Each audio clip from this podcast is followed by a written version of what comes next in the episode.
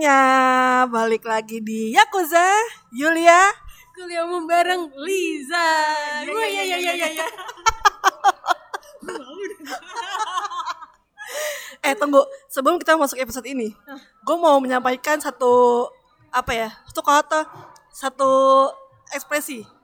Jadi gue mau meminta maaf sekaligus mohon maklum karena gue baru baru ngeh pas gue ngedit Yakuza yang episode yang kemarin itu kekencangan suara gue. jadi di di apa di di aplikasi editingnya itu tuh jadi apa namanya sih? Duh, gue gak tau bahasanya cuman kayak eh Yang gitunya ya. yang ya ga- garisnya itu tuh gede banget jadi suara iya. suara gue sedangkan pas Kaliza lo kok kecil banget jadi minta maaf buat temen-temen yang kuping ada-ada agak-agak gimana bermasalah itu mau dimal mau dimaklumi karena kesalahan emang dari suara lo langsung ya. Itu kesalahan dari lo langsung. iya gue merasa kegedean aja saudara soalnya gini waktu kita nge-record yang kemarin itu emang Tempatnya itu agak rame jadi emang harus kenceng ya. Iya dan jadi kita kan kayak nggak sengaja ngomongnya kenceng gitu loh. Nah udah gitu ada lagu juga kan. Jadi kita balapan sama lagu jadi kita eh, gue sih berusaha untuk supaya jelas aja. Padahal pas lagi gue dengerin sialan suara gue gede banget. Volume lu kalau yul kegedean lu volume handphone. Nggak juga sih. Ya pokoknya ama- Oh nggak apa-apa nggak apa-apa itu berarti tegas gitu artikulasinya tuh jelas. dia belain gue ya guys udah nggak apa. Thank you so much. Oke hari ini kita ada di satu kafe di daerah Meruya Selatan namanya kafe apa aja? Bojo. Bojo J-nya dua. J, betul betul betul bukannya Bang Jo ya tapi Bojo. Bang Jo mah Gue Semarang dong. Iya mak abang hijau, abang hijau traffic itu. Iya. Iya benar. ya itu jadi gue nemu kafe ini karena rumah kakak gue kan di Meruya tempatnya di Meruya Selatan dekat kampus Mercu Buana dan emang di Mercu kan banyak banget kafe kan Iya. gue nyoba-nyoba cari ternyata ada yang enak banget tempatnya dan oke nih buat kita nge-podcast gitu dan tadi pas gue dateng masih sepi tiba-tiba rame makanya udahlah kita pindah agak ke pojok biar Malam minggu. Ini kan malam minggu ya. ya, tapi tetap ya guys hati-hati ini masih masih di tengah-tengah pandemi jadi meskipun new normal tapi harus tetap jaga jarak pakai masker nanti sampai rumah Kesehatan eh, harus diperhatikan. Yes, dan nanti sampai rumah kalau awas jalan-jalan langsung cuci bajunya, langsung mandi, minum air putih hangat. Wah, saya pokoknya eh, buat kalian se sebersih, steril, higienis mungkin. Betul, gue setuju banget. Jadi lu boleh tetap berkeliaran, maksudnya tetap keluar. Lu nggak tahan banget, lu bete. Ya sama gue juga bete gitu ya kan. Kita apalagi gue sama Yulia tuh satu passion yang orangnya tuh kayaknya demen jalan, demen banget orangnya tuh. Gatel banget kakinya tuh kalau seminggu kaki jalan. Lu kali yang nggak betah gue. Oh iya gue doang ya. Ah, lu bukan nggak betah jalan kaki 4 kilo. iya sih, gue lebih ke literally jalan kaki ya guys. Iya bener-bener. Iya, iya. Eh, lu harus steril yang tadi udah Yulia bilang itu benar banget itu juga gue gue lakuin gue yang pasti jangan lu jangan lu sampai lupa itu minum air putih hangat asli Sama gue semacam lu harus bener. Jadi gue juga gue semenjak SMA karena gue dulu anak nari saman kan, tari saman. eh, Seriously, gue baru tahu lu anak tari saman. Ya Allah ya Robi tau gitu gue belajar sama lu. Siap, nanti next kita akan bikin eh, tari saman versi podcastnya. Lagunya doang. Pokoknya ini waktu gue SMA kan gue eh, anak anak sama nih. Pelatih gue selalu bilang minum air putih hangat biar suara lo bagus. Bener, jadi gue dari situ gue terbiasa minum air putih. Jadi makanya siap malam kalau gue mau tidur kalau enggak ya mm, ya jam-jam 9 jam 10 tuh eh, sejam sebelum gue tidur tuh gue minum air putih hangat yang banyak dan emang gue terbiasa minum air putih hangat kayak gitu. Oke Yulia, thank, thank you infonya bermanfaat sekali Yulia. Yes. Tapi belum selesai podcastnya karena kita belum bahas Belum belum. Kita bukan mau ngebahas masalah kesehatan guys, ya bukan ya. Kita mau ngebahas masalah episode kali ini tentang tentang dua hal, Yes. tapi nggak terlalu berjauhan, tapi masih agak relate sedikit, yaitu saling keterai keterikatan. yaitu pansos dan Star syndrome. Yu yu yu yu yu yu yu yu. jadi kenapa kita ada ide ada ide untuk uh, temanya ngomongin pansos sama star syndrome. Jadi uh, dua hal ini itu uh, gue ngalamin sendiri. Eh maksudnya bukan gue star syndrome, maksudnya gue pernah melihat orang yang ya dia tendensinya star syndrome dan gue juga pernah ngalamin orang ada yang mau pansos sama gue kayak gitu jadi kayak ya meskipun gue influencer kelas cupang ya cerai banget tapi ada ada pengalaman dan itu nanti gue akan ceritain sih tapi kalau menurut lo nih jago pengen tahu eh, lo pernah nggak ngelihat lo di hidup lo misalnya kayak teman-teman lo atau yang terdekat ada orang yang mau pansos sama lo atau mungkin eh, orang yang star syndrome mungkin kita bakal ngomongin pansos dulu aja kali ya hmm, lo tau gimana pansos Ada Yul. Aduh, itu dari itu kerasanya itu pas pas kapan ya? SMA dan kuliah sih Yul itu kerasa banget dua dua lembaga. Itu satu pas SMA satu pas kuliah. Dan menurut gue pansos itu cuman dikerjakan mungkin hanya untuk mencari perhatian. Wow. Ya. Wow. Bener gak sih? Lu setuju gak sih sama kata-kata gue bener sih bener. Tapi gini menurut gue pansos tuh cari perhatian tapi ada tendensi dia pengen apa ya, pengen ngartis juga gitu. Betul. Ya itu tendensinya emang emang ke situ. Iya. Dan dan menurut gue gini rata-rata itu yang yang dia buat untuk menjadi dirinya pansos itu itu mendapat tanggapan negatif dari teman-teman gue. Oke. Mungkin bisa diceritakan sedetail apa eh, pansos yang lo lihat waktu itu? jadi ada satu kolega gue yo dia itu orangnya memiliki ambisi kalau dia harus menjadi center attention Ah, wow. Ini udah bahaya nih kalau dosen dan nasional. Terus, terus, terus, terus. Nah, habis gitu tuh dia me, kayak yang paling pasti sih dia ngepost, ngepostnya itu hal-hal yang yang gak sesuai fakta realita kayak gitu loh. Oke, kayaknya gue tahu arahnya ke mana.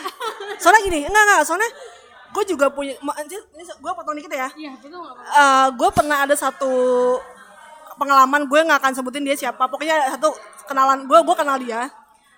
Tapi memang dia ada kecenderungan kelainan kejiwaan. Ya Liza mau muntah. Parah ya lagi lagi dia mau minum. Gue lagi mau Itu sangar banget, Yul. Gimana tuh, Yul? gue nggak tahu ya ini apakah dua hal yang berbeda antara kelainan jiwa atau yang maksudnya apakah ada keterikatan cuma menurut gue adalah kalau orang udah ada tendensi untuk eh, dia pengen diperhatiin terus dia pengen apa ya eh pengen orang tuh selalu arahnya ke dia terus kayak terus dia kayak narsis juga. Itu narsis, menurut gue ada ada kecenderungan udah ada kelainan kejiwaan. I mean nggak yang orang gila literally yang kayak di jalan. Enggak enggak ngerti. Wah, Yul, kayaknya yang gue ceritain yang kolega gue itu lebih masuk ke situ deh, Yul, kelainan kejiwaan. mungkin ya kayak ya ya tapi gini intinya eh, si kenalan gue ini orang yang gue kenal ini eh di teman-teman kita yang lain juga udah udah aware bahwa ini kayak anak ada kelainan jiwa. Cuma kita nggak berani untuk ngasih dia acknowledge atau acknowledge dia karena itu bukan urusannya dia ya karena kita cuma kayak kenal aja gitu, sebagai sebagai satu circle yang sama waktu itu.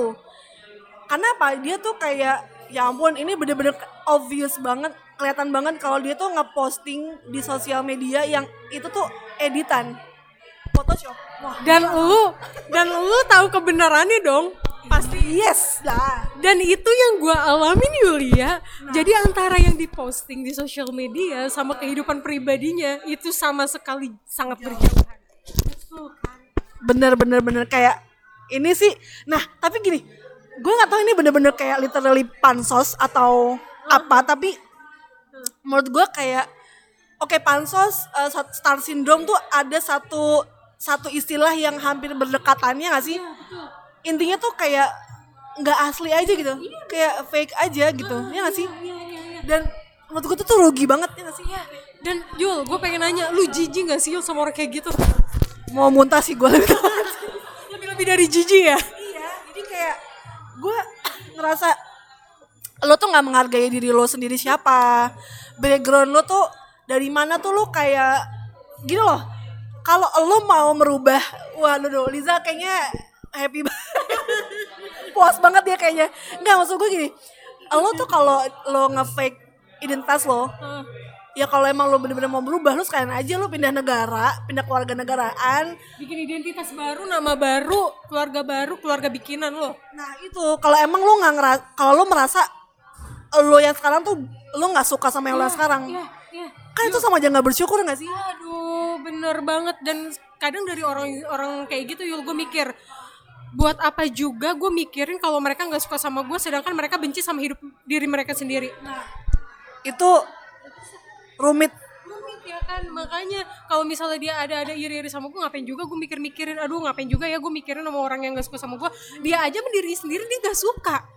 Jadi gue gak usah overthinking. Jadi emang orang-orang kayak gitu menurut gue lu bener kata lu sih Yul, itu kayaknya kelainan kejiwaan pansos dan ada faktor apa sih? Dia tuh kayak pengen menyembunyikan identitas aslinya. Ya. itu menurut tuh ada ada ada salah satu faktor apa sih Yul? oh sama ini. Sama eh, pansos dan validasi sosial. Jadi pansos validasi sosial sama star syndrome tuh kalau syndrome mungkin kita akan bahas agak nanti ya. Pokoknya ini pan- pansos panjat sosial dan validasi sosial itu adalah satu fenomena yang menurut gue kayaknya udah banyak di Jakarta. Oh, banyak banget. banyak. Banget itu gue nggak tahu itu tuntutan pergaulan apa kayak gimana sih. Jadinya mereka itu kayak nggak bangga sama sama diri mereka sendiri gitu loh ya.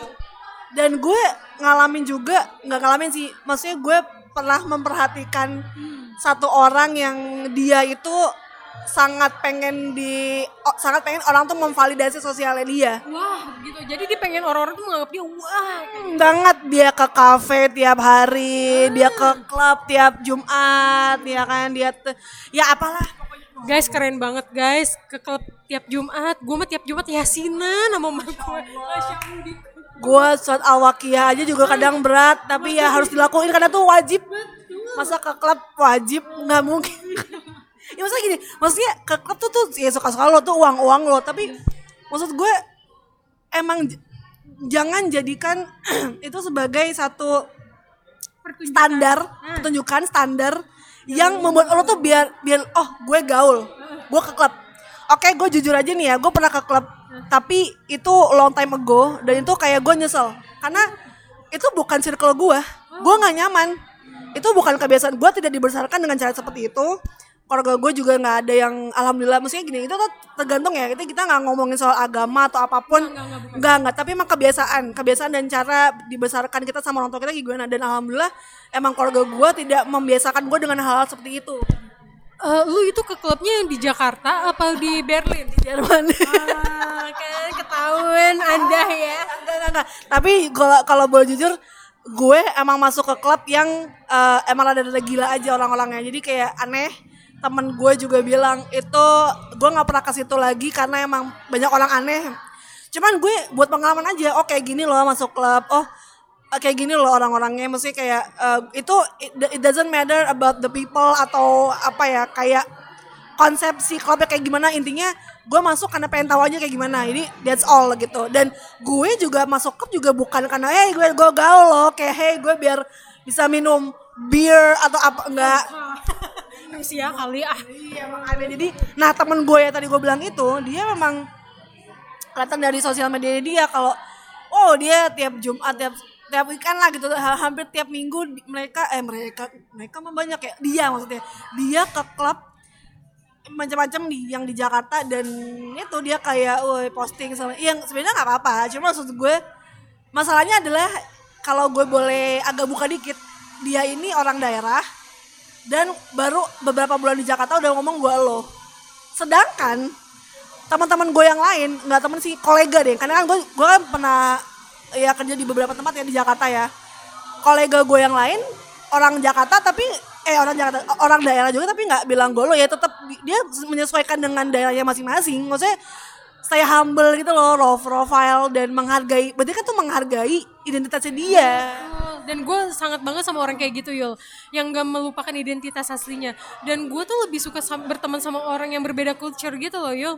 Jadi gue lebih eh, kayak berasa belajar budaya langsung sama orang aslinya yang selama ini gue cuma tahu dari sosial media. Nah itu. Jadi kita jadi kenapa harus lo memblurkan ketika lo ada di di kota metropolitan? Kenapa lo memblurkan identitas asli lo kayak gitu.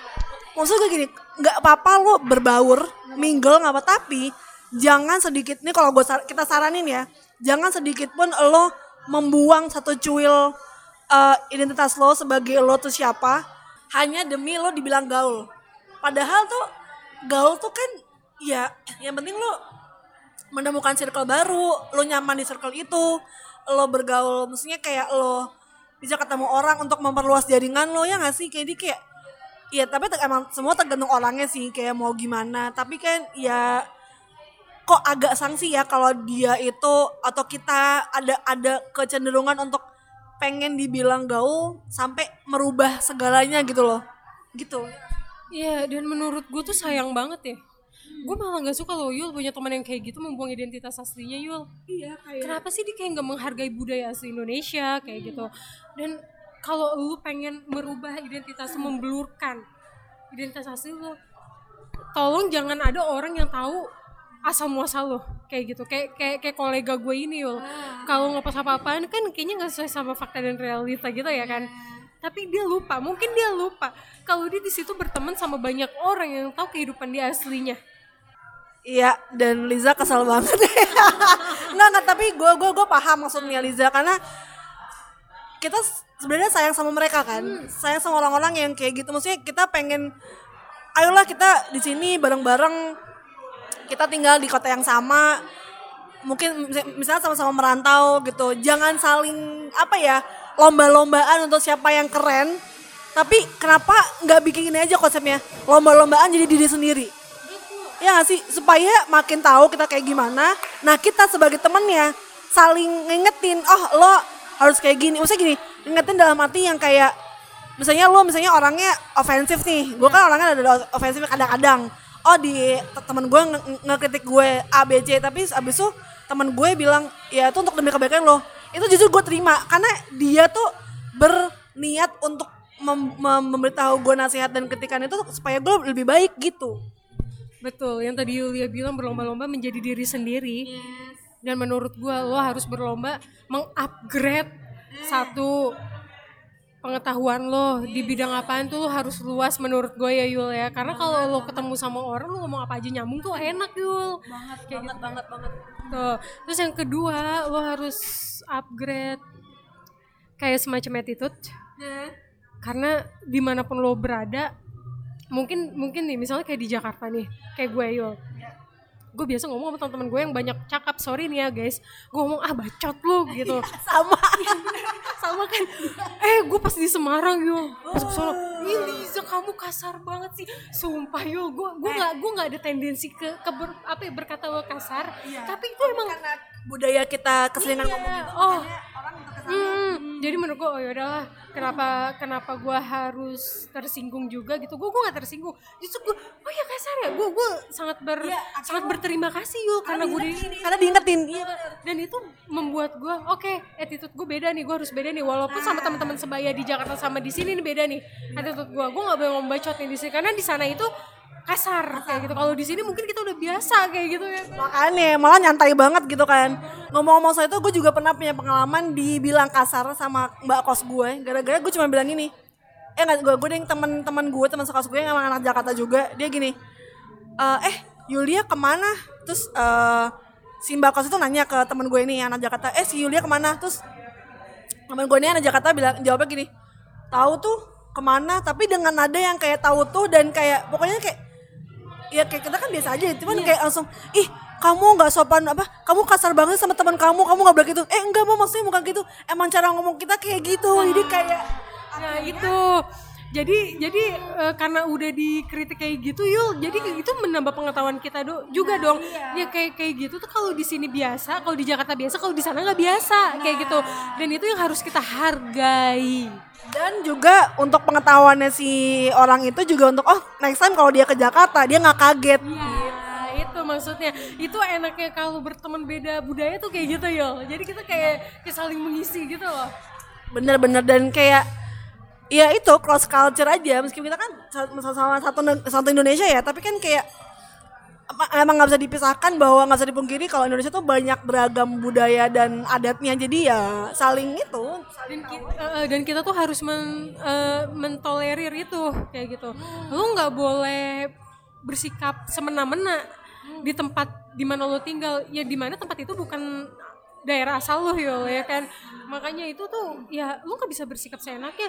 Kalau misalnya ada yang bilang ih gue kan orangnya apa adanya jadi diri sendiri. Enggak enggak kayak gitu jadi diri sendiri. Jadi diri sendiri itu nggak mesti lo berbuat berkata itu misalnya di di Jakarta lu biasa cablak nih lu di sana nggak lu nggak boleh kayak gitu ya kan? Lu harus tetap menjadi diri sendiri tapi tidak mengabaikan tata krama yang ada di sana. Jadi balance guys intinya kayak gitu. Sama dengan balik lagi ke soal validasi sosial itu, itu juga menurut gue emang ada ada ada kaitannya. Karena emang ya gini loh orang kan kenal lo misalnya dari misalnya berawal dari ketemu biasa nih eh, offline lah gitu berarti tatap muka oh orangnya gini. Tapi ketika dia melihat lo misalnya kayak eh, ketika kita melihat dia di sosmed ternyata kayak gitu kayak ini kok beda banget gitu. Kayak what ini tuh kayak faking banget sih. Kayak dan itu gue paling gak suka sama orang yang kayak gitu. Karena oke deh mungkin kalau dia emang suka artsy kayak suka yang berbau seni kayak dia pakai filter apa segala macem fotografinya segala macem it's okay. Tapi soalnya kan itu kan cuman kayak karya. Tapi kalau emang gaya hidup yang kayak lo cuma biar bisa keren dibilang keren kayak please guys lo think think about it rethink rethink about it lagi deh kayak pikir ulang deh kayak apa tujuan dan maksud lo untuk untuk melakukan itu. Sedangkan kalau emang lo merasa itu buat lo nggak apa ya nggak nyaman dan malah rugi. Mending nggak usah sih. Itu gue setuju banget yo. Memang orang-orang zaman sekarang itu demi untuk meningkatkan apa ya apalagi gini yo. Gengsi. ya, gengsi dan ada sosial media. Dan lu enggak nggak sih semenjak adanya kayak influencer kan sering ada tagline eh sorry hashtag OTD outfit of the day kayak gitu. Itu jadi meningkatkan orang itu buat buat konsumtif. Jadi gini bodoh amat gimana pun caranya pakaian itu harus ganti. Karena untuk memuaskan masyarakat jagat maya yul. Ya itu sih nggak apa-apa yul. Uang uang dia bener. Tapi kalau gue lebih baik untuk jangka panjang emang emang kalau kalau pakaian itu tuh apalagi cewek ya Eh, untuk meningkatkan gaya hidup itu harus yang catching kayak gitu. Dan kalau menurut lu gimana yul? Ini agak berat dan mungkin kita akan bahas nanti di episode. Cuman oke singkatnya gue mau bilang gini. Em, gue pernah digini sama salah satu kolega gue bahwa penampilan itu paling utama dan paling penting sedangkan gue punya tagline punya moto hidup penampilan tuh bukan segalanya jadi menurut gue ya masalah OOTD tadi gue per ya sesekali lah OOTD tapi gue nggak sering dan gue merasa gue nggak ada beban ketika melihat influencer pakai hasil OOTD. Kenapa? Gue akan berpenampilan menarik dan emang sesuai apa ya kayak elegan yang emang rapi itu kalau gue kerja. Kalau mau ketemu klien gue, kalau mau ketemu no. untuk meng- bukannya berpakaian eye-catching itu buat difoto terus untuk mengha- mengapa memuaskan meng, iya, mengangkat harkat dan derajat dan follower lu. Iya. Tentu gue tuh nggak enggak Enggak, enggak, apa lu salah satu tipenya yang kayak gitu? Maksudnya gimana yang kayak gitu? Enggak lah. Enggak, Mak- enggak. Maksud gue gini, OOTD tuh oke OOTD, tapi in case kalau gue misalnya habis ketemu klien, kan emang gue lagi rapi nih. Sayang-sayang dong kalau gue nggak foto, ya nggak sih? betul. Gue posting aja. enggak kalau kalau itu beda-beda cerita yul. Itu ketemu klien yul. bukan lu tiba-tiba lu bukannya lu cuman iseng-iseng sekedar jalan eh ini nih bagus nih. Iya. Di sosial media jeder kayak gitu. Kayak, ya maksud gue, kan nih, lo harus ingat lagi bahwa lo tuh siapa. Kalau misalnya gue nih misalnya nih katakan gue influencer yang 100 ribu kak misalnya, gue akan tetap nggak akan kayak nggak ada tendensi untuk seperti itu karena segmen gue bukan beauty vlogger. ya betul betul karena segmen kita kayak buat ngasih sosial budaya aja. ya, insight tentang apa pun untuk men, untuk meninggikan jiwa-jiwa yang jiwa-jiwa yang merasa terinjak oleh oleh sosial media merasa kecil Angkat suara kalian guys di sini.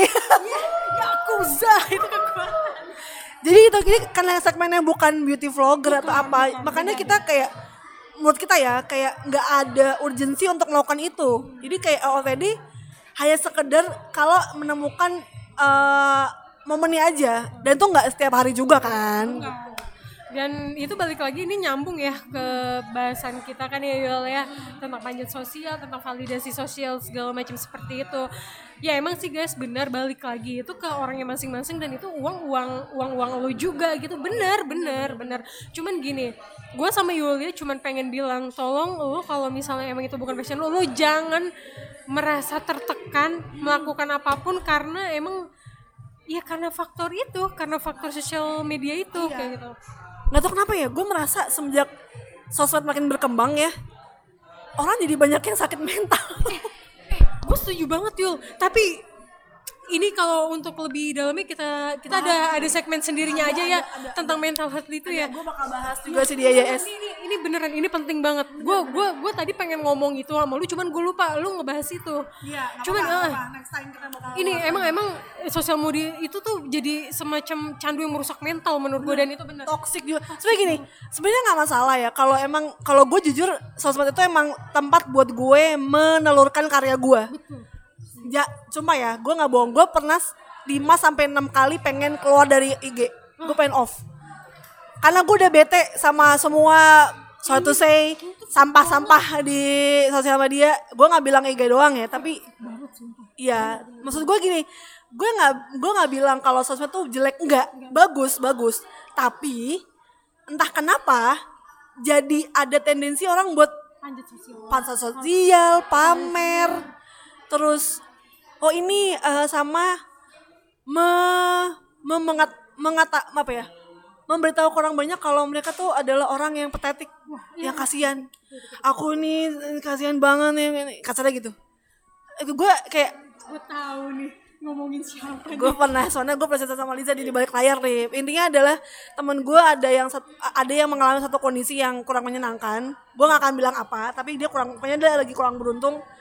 Tapi di sosial media dia kayak caption captionnya tuh kayak kayak mer- merasa dia tuh petetek gitu loh Iya, jadi itu kayak ngerasa dirinya itu kayak paling dizolimin, eh bukan dizolimin, maksudnya hidupnya itu paling paling susah kayak gitu Yul. Nah itu yang menurut gue nggak tepatnya kayak gitu Yul. Kenapa sih lu sosial media? Kenapa lu harus curhat itu di sosial media? Kenapa lu nggak cari satu orang yang kenapa lu nggak ke dokter kejiwaan kenapa lu nggak sholat malam bilang sama Allah ya Allah aku gitu beneran gaya, gaya lu dari nada ngomong lu tendensi nih. Enggak, enggak, enggak, soalnya gini Enggak jujur ya. Eh, Waktu gue kuliah, gue tuh suka curhat soal gebetan cinta tuh di Twitter, Facebook. Ya anak-anak muda yang masih labil lah Tapi sebenarnya gue ke sini ke sini Kan gue belajar. Jadi ya Allah gue ngapain ngapain aja dulu BG banget gue ya Allah. akhirnya belajar kan dari situ. Yul. Bener gue banyak Akhirnya sekarang kalau gue mau curhat soal kayak gitu-gituan Malu woy, Gue umur. gue cuman di close friends Liza salah satunya tahu banget gue tahu tahu. Terus kok jadi di kosan gue cuma ada 10 orang termasuk Liza dia tuh ngomongin gebetan yang gue lagi suka ya udah karena sisanya gue ya curhat sama Allah gue berdoa gue curhat sama keluarga gue dan ngomong langsung mending ngomong langsung sama temen yang lo percaya. Ya udah daripada lo nyebarin terus lo kayak merasa kayak oh my god lo sedih banget kayak gitu. Karena gini ini ini kalau gue emang mau kayak gitu ya gue bisa aja. Karena gini gue eh, yang ini masih masih agak sama bahasannya sama ya kemarin kita bahas yang traveling itu. Yang gue bilang gue batal ke Taiwan itu kan emang sedih banget ya.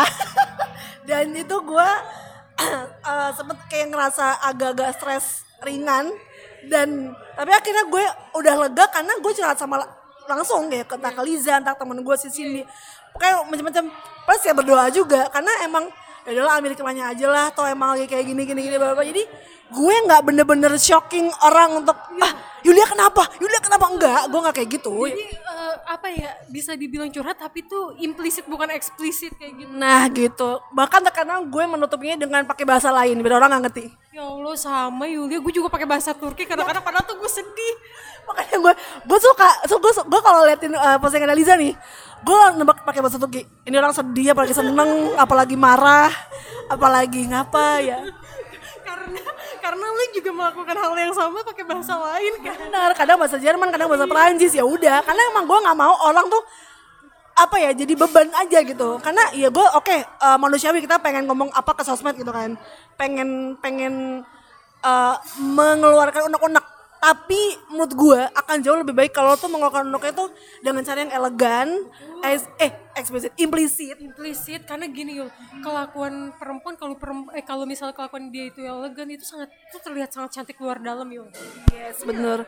Maksud gue gini, eh, kita ada ada ada ada sifat-sifat yang kayak kita manja, kita ada, tapi lo jangan tunjukin ke sosial media lah gitu intinya. Jadi pokoknya pokoknya dia orang sosmed tuh pengen liat lo baik-baik aja bahagia, bahagia tapi bukan bahagia yang pamer ya? Enggak, enggak, enggak, enggak. Enggak, kita tuh menyebarkan kebahagiaan itu dengan cara eh, meningkatkan itu ya.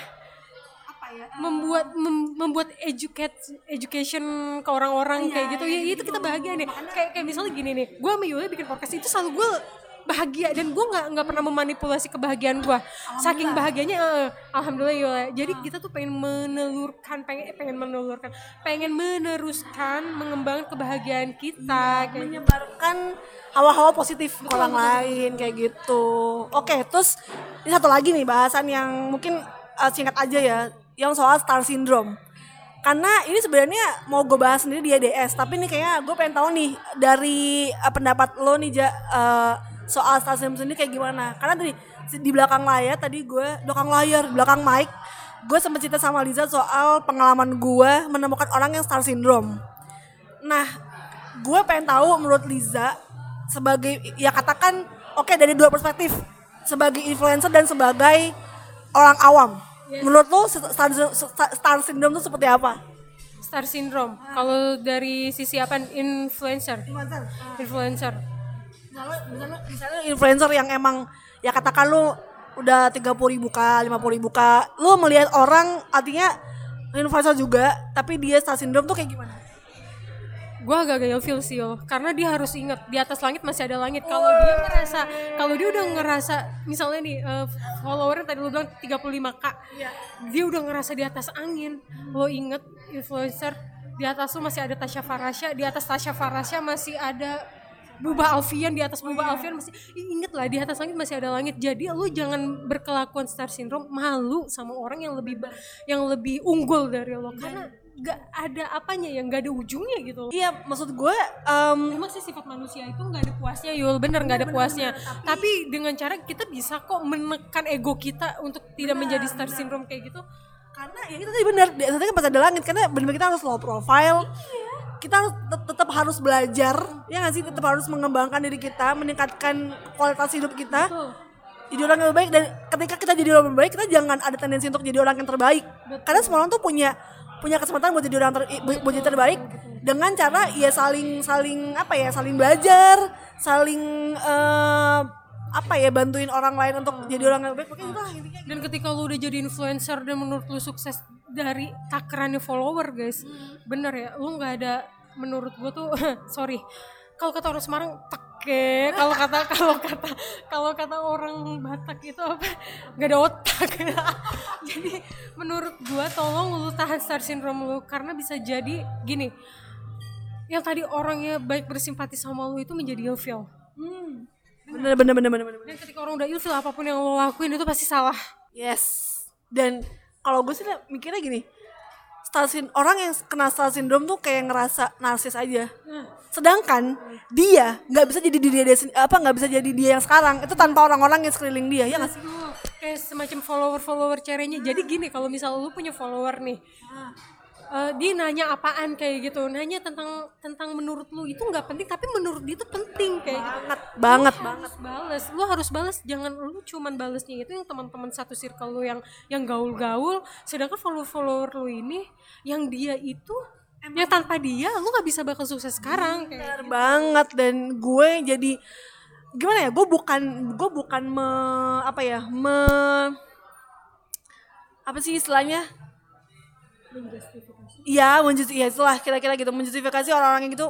I mean orang punya beda punya style berbeda, cuman gue buat pengalaman aja nih bahwa karena gue udah pernah ngeliat fenomena kayak gitu, akhirnya gue jadi intro- introspeksi diri bahwa oke Yul, next time. Dan kalau insya Allah misalnya Bismillah gue jadi orang yang ya gue dipercaya jadi influencer misalnya gue akan berusaha untuk tidak jadi orang yang tidak balas DM misalnya. Karena gue nih ini pengalaman aja ya. Ada banyak yang DM gue yang nggak banyak banget cuma ada beberapa orang yang DM gue gue nggak kenal siapa dia. Tau dia nemu gue dari entah dari mana dari blog gue apa segala macem. Mereka nanya misalnya kayak tentang volunteer gitu ya. Kak aku mau nanya dong volunteer gimana? Jujur gue awalnya malas karena gue harus mengulang lagi kata-kata yang sama. Tapi apa? Tapi karena mereka tuh butuh informasi itu makanya gue jawab.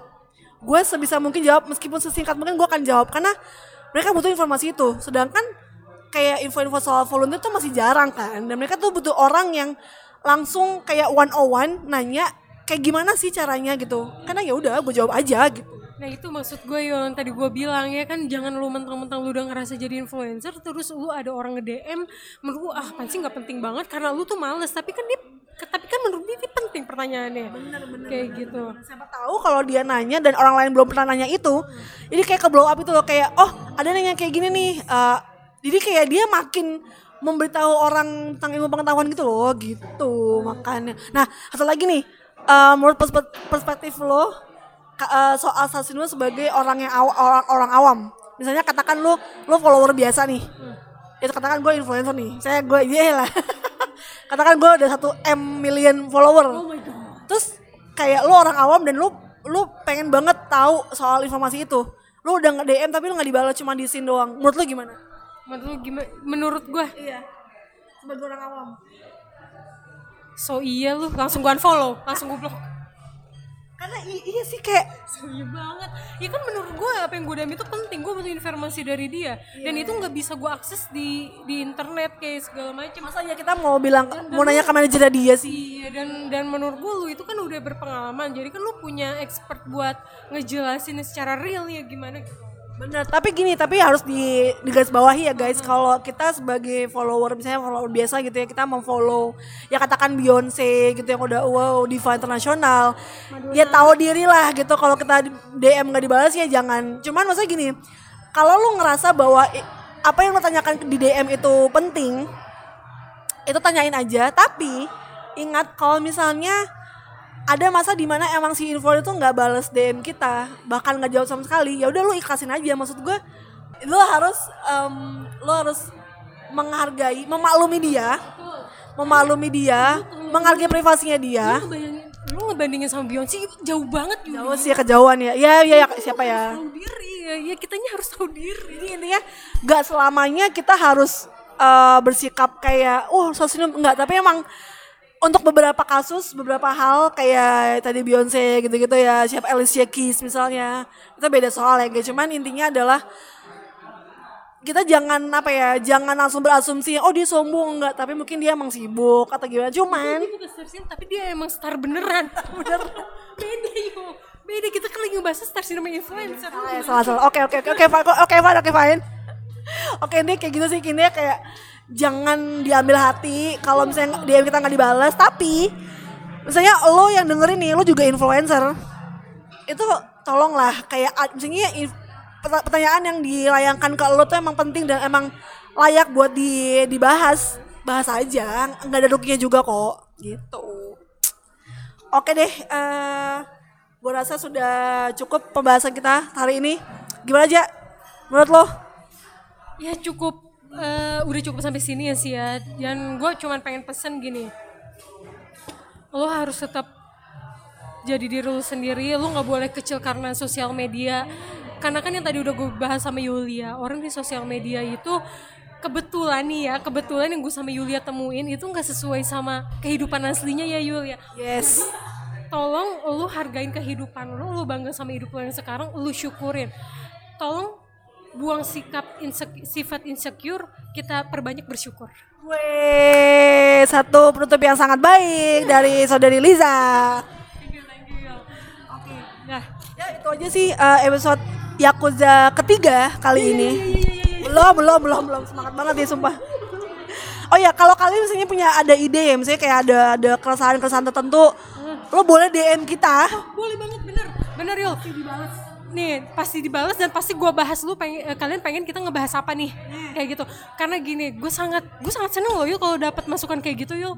Atau enggak gini ih Liza sama Yulia podcastnya kurang gini gini gini gini nggak asik nggak apa-apa. Karena gini guys tanpa saran-saran lu gue sama Yulia nggak pernah bisa belajar untuk menjadi untuk meningkatkan podcast kita ya Yul ya Bener banget tuh Liza, aduh udah ya kayak bu gubernur lah itu dia mah. Masya Allah gue gubernur apa nih Yul ya Gubernur Istanbul. Masya Allah gue pengen banget Yul. Amin amin. Masya Atau dapat suami calon gubernur tuh. Masya Allah ya Allah ya Allah ya Allah. Istanbul ya kan? Ankara gitu mungkin. Ya. Oke itu aja eh, episode Yakuza ketiga kali ini. Mudah-mudahan bermanfaat ya. Amin amin. Eh, again kalau mau apa yang ngasih kritikan saran lu DM kita aja nggak masalah ke at, eh, sojajon Yulia Sujajono sama Eliza Faiza F FZA ya. Iya, iya. Ya itulah. Liza Zeta, ya. Ya, Nanti itu. lu aja lah di di apa namanya? IG story ya betul betul. Oke, oke sip. Thank you banget buat Liza hari ini eh, kita ketemu di Yakuza episode selanjutnya. Yakuza. Ya ya ya ya ya ya ya ya. Bye, sampai jumpa. Bye.